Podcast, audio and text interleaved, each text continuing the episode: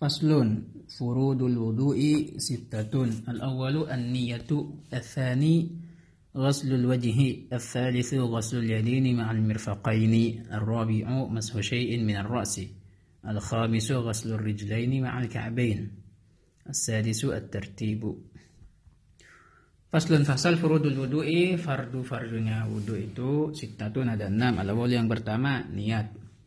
Niat itu niat. Yang kedua asani ghuslul wajhi membasuh muka. Asalisu yang ketiga adalah ghuslul yadaini ma'al mirfaqain membasuh tangan. Begitu juga eh, siku. Sampai ke siku. Siku juga dibasuh di situ. Ar-rabi'u yang keempat mashu syai'in min ar-ra'si mengusap sesuatu dari kepala. Al-khamisu yang kelima ghuslur rijlaini ma'al ka'bin.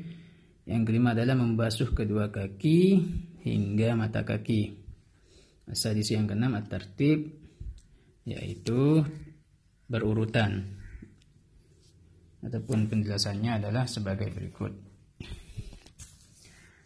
Yang pertama, uh, wudhu ini disyariatkan ketika malaikat Jibril mendatangi Rasulullah di awal pertama mendapatkan wahyu. Dan wudhu ini bukan hanya syariat Islam, akan tapi juga syariat dari sebelum-sebelumnya. Sebagaimana disebutkan dalam hadis, "Hadza wudu'i wudu'ul anbiya'i min qabli." Hadis riwayat Ahmad. Bahwasanya ini adalah wudhuku kata Nabi dan wudhu nabi-nabi sebelumku. Hanya saja ada pembedanya yaitu al-ghurrah wa tahjil. Apa itu ghurrah dan tahjil? Disebutkan dalam hadis, "Inna ummati yud'auna yawmal qiyamati ghurran muhajjalin min atharil wudu. Faman istata'a minkum an yutila ghurratahu falyaf'al." Hadis riwayat Bukhari dan Muslim. Sesungguhnya umatku dan Nabi kelak di hari kiamat itu dipanggil dalam keadaan ghurran muhajjalin min atharil wudu. Ghurran muhajjalin ghurrah itu uh, menyempurnakan wudhu di area kepala dalam artian melebihi batas yang diwajibkan.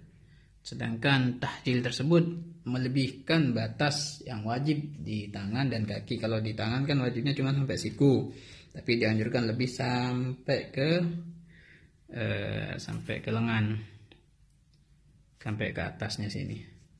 Kemudian di kaki juga disunahkan sampai ke yang wajibnya kan cuma sampai di mata kaki, tapi sunahnya sampai ke betis.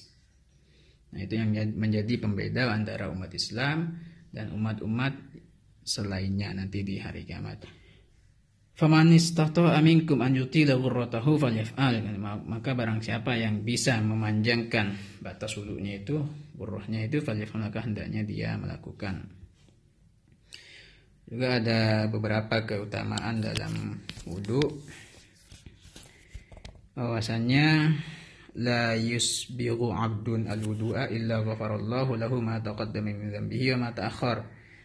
Tidaklah seorang hamba menyempurnakan wudhunya dalam menyempurnakan dalam artian memenuhi syarat dan rukunnya begitu juga memenuhi sunnah-sunnahnya illa ghafarallahu lahu melainkan Allah akan mengampunkan dosa-dosanya mata qaddama min dzambihi wa mata akhar dosa yang telah uh, berlalu hadis riwayat Bazzar kemudian hadis juga innal abda idza tawaddaa fatamat madha adhaballahu bi kulli dhanbin asabahu bi famihi fa idza istanshaqa adhaballahu bi kulli dhanbin asabahu bi anfihi فإذا غسل وجهه أذهب الله بكل ذنب أصابه بوجهه فإذا غسل يديه أذهب الله بكل ذنب أصابه بيديه فإذا مسح رأسه أذهب الله بكل ذنب أصابه برأسه فإذا غسل رجليه أذهب الله بكل ذنب أصابه برجليه رواه أحمد Jadi sesungguhnya seorang hamba ketika melakukan wudhu lantas dia berkumur-kumur maka Allah akan menghapus dosa yang yang disebabkan oleh mulutnya kemudian ketika dia uh, istinsyak yaitu memasuk membersihkan memasukkan air ke dalam hidungnya maka Allah akan mengampuni dosa sebab hidungnya kemudian ketika membasuh mukanya di Allah maka, Allah akan mengampuni setiap dosa yang disebabkan oleh wajahnya Begitu juga yang disebutkan oleh ketika membasuh tangannya maka Allah akan mengampuni dosa yang dilakukan oleh tangannya. Itu juga di kepala dan kakinya. Disunahkan juga untuk istidamah dalam wudhu. Istidamah dan artian selalu menjaga diri dalam keadaan wudhu. Karena salah satu keutamanya itu bagaimana disebutkan dalam hadis Anas Nabi SAW bersabda ya bunayya in istatat an takun abadan ala wudu'in faf'al fa inna malakal maut idza qabida ruhal abdi ala wudu'in kata lahu syahadah wahai anakku jika engkau mampu untuk menjaga dalam keadaan wudhu selamanya faf'al maka lakukan Kenapa? Karena sungguhnya malaikat maut ketika mencabut seorang ruh seorang hamba sedangkan dia dalam keadaan wudhu maka dia dicatat sebagai orang yang syahid. Begitu juga Wudhu ini juga meringankan atau memudahkan sakaratul maut. Baiklah itu sekilas tentang masalah keutamaan wudhu. Kemudian fardu wudhu. Di sini kenapa uh, Musonif tidak mengatakan rukun? Beda halnya dengan sholat.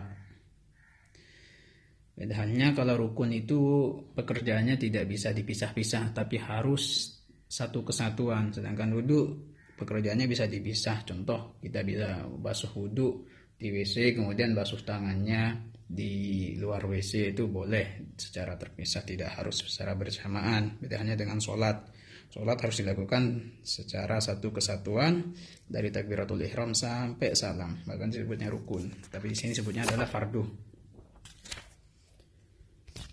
Kemudian yang pertama furudul wudhu sitah, fardunya itu ada enam. Yang pertama adalah niat. Niat itu eh, qasdu syai'i muqtarinan fi'lihi. Memaksudkan sesuatu bersamaan dengan pekerjaannya. Jadi yang namanya niat itu harus bersamaan dengan apa yang kita lakukan. Tapi kalau tidak bersamaan itu namanya azam.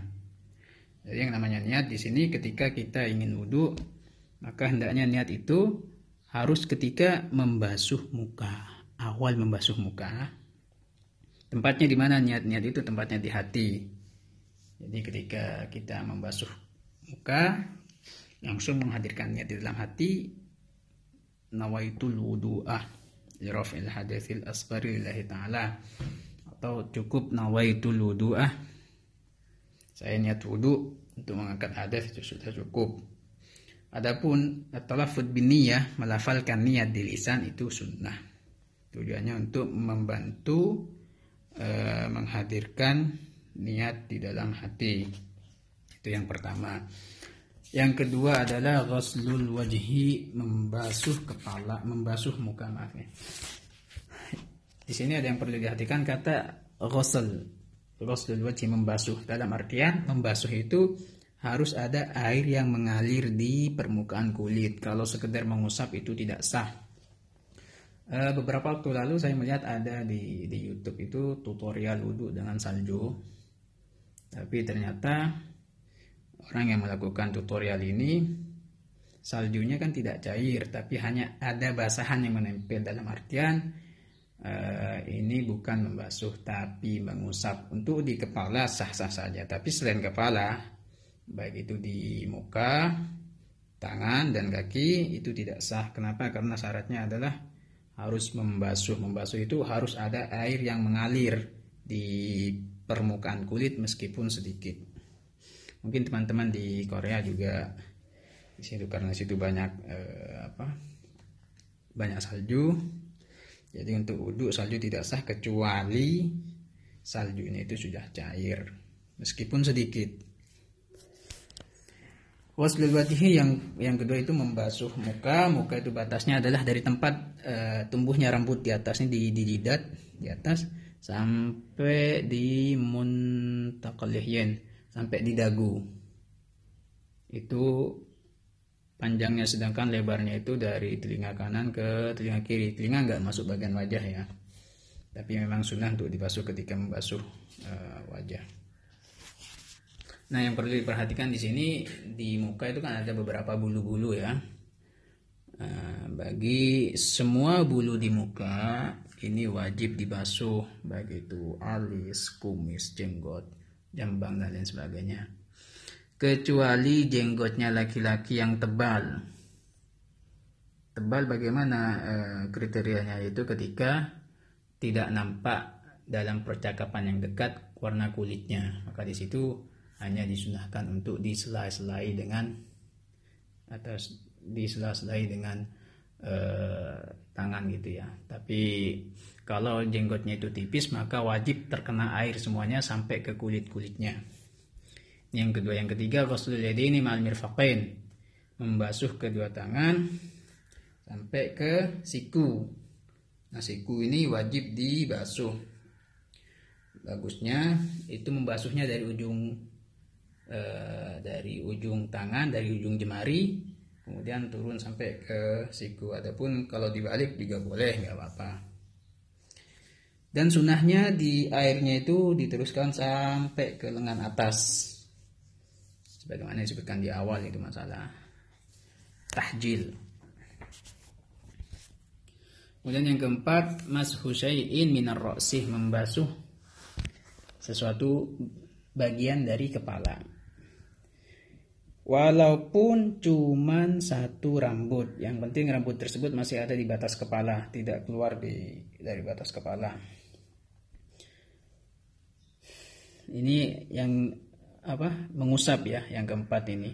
Nah ini satu-satunya rukun di anggota wudhu yang wajibnya adalah sekedar diusap. Kemudian tapi sunnahnya itu mengusap seluruh kepala karena sebagian madhab menyatakan itu wajib yaitu Imam Malik. Sedangkan Imam Abu Hanifah menyatakan seperempat kepala yang wajib diusap Caranya gimana? Caranya letakkan kedua tangan ini eh, ibu jari jempolnya ditaruh di pelipis, kemudian ujung-ujung jari di atas, diputar ke belakang, kemudian ditarik lagi ke depan. Jadi sehingga rata ke semua kepala itu sunnahnya seperti itu. Kemudian al-khamis yang kelima ghusl ini ma'al ka'bain. Membasuh kaki hingga ke mata kaki dan disunyahkan membasuhnya sampai ke betis bagaimana disebutkan di awal tadi masalah tahjil. Kemudian yang keenam adalah tartib yaitu urut.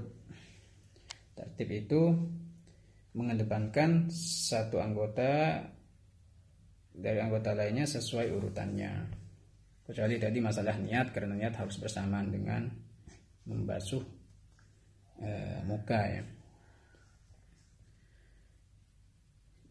Kemudian ya, tertib itu ke, eh, terbagi dua, tertib hakiki dan tak, takdir takdiri. Takdir hakiki itu ya seperti yang awal tadi, membasuh muka kemudian tangan, mengusap kepala kemudian membasuh kaki. Kalau dibolak-balik maka ini tidak sah. Contoh basuh muka kemudian langsung mengusap kepala kemudian basuh kaki itu enggak sah. Kemudian ada namanya tertib takdiri yaitu eh, dikira-kirakan ketika seseorang Eh, berendam di kolam, kemudian dia niat wudhu, maka di situ mes, uh, meskipun kalau dikira-kirakan melakukan wudhu normal itu tidak cukup, tapi di sini cukup. Contoh kurang berendam kurang dari satu menit, dia berniat wudhu, nah, maka di situ sudah sah untuk dianggap wudhu. Kemudian ada beberapa sunnah-sunnah dalam wudhu yang perlu diperhatikan yaitu membaca bismillah sebelum wudhu itu juga membasuh kedua telapak tangan. Itu dianjurkan sebelum melakukan wudhu membasuh kedua telapak tangan dan membaca bismillah secara bersamaan.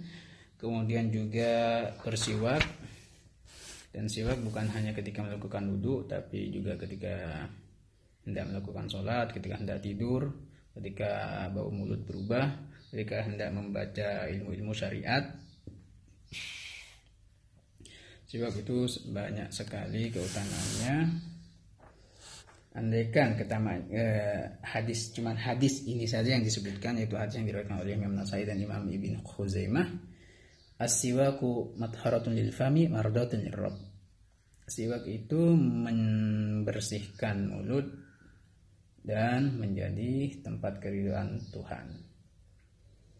Ada banyak faedahnya di antaranya juga memudahkan keluarnya ruh. Bukan ketika orang menjelang wafat, ketika datang ajalnya, dia dianjurkan untuk menggunakan siwak karena itu memudahkan. Dan paling utama siwak itu ada ada lima martabatnya. Yang pertama dari kayu arok, yang kedua dari pelepah kurma, kemudian yang ketiga dari batang pohon zaitun, yang keempat dari uh, batang pohon atau kayu yang mempunyai bau yang wangi kecuali selasih ataupun kemangi karena itu dimakruhkan. Kemudian yang kelima dari segala jenis Eh, benda apa pun yang bentuknya uh, kasar. Baik itu dari kayu ataupun bukan ini lima martabat dari barangnya ya dari benda dari bendanya. Kemudian ada juga lima martabat dari uh, kondisinya. Yang pertama itu kering dan dibasahi dengan air. Yang kedua kering dan dibasahi dengan air mawar. Yang ketiga kering dan dibasahi dengan uh, air liur, yang keempat yang batangnya itu masih basah, dan yang kelima adalah yang kering tanpa dibasahi. Jadi kalau dikalikan dengan yang 5 martabat di awal maka totalnya adalah 25 martabat. Ini masalah siwak. Adapun caranya itu e, menggosok. E, memulainya seperti angka 8 ya dari tengah putar ke kanan atas kemudian ke kiri ke kanan bawah kemudian ke kiri atas dan ke kiri bawah jadi bentuknya seperti angka 8 dari kiri ke kanan tiga kali. Kemudian untuk di lidah bentuknya uh, vertikal ya panjang itu. Bukan horizontal. Kemudian juga disunahkan untuk berkumur-kumur. Kemudian juga memasukkan air ke hidung dan mengeluarkannya. Kemudian sebagaimana disebutkan tadi juga mengusap semua kepala dan menyela-nyelai anggota wudhu seperti di jari jemari itu disunahkan untuk disela-selai dengan tangan biar airnya sampai begitu juga di jari kaki begitu juga yang mempunyai janggut yang jenggot yang tebal itu disunahkan untuk disela-selai dan disunahkan juga untuk melakukan tiga kali tiga kali dalam membasuh dan mengusap anggota wudhu. Itu juga disunahkan untuk membasuh telinga. Nah telinga sendiri ini eh, disunahkan dibasuh bersamaan dengan muka, disunahkan dibasuh di diusap bersamaan dengan ketika mengusap kepala dan disunahkan juga mengus mengusap secara tersendiri setelah mengusap kepala itu tiga kali. Dalam mazhab Syafi'i eh, telinga ini bukan bagian dari anggota wudhu jadi tidak wajib tapi hukumnya sunnah. Wallahu a'lam bishawab.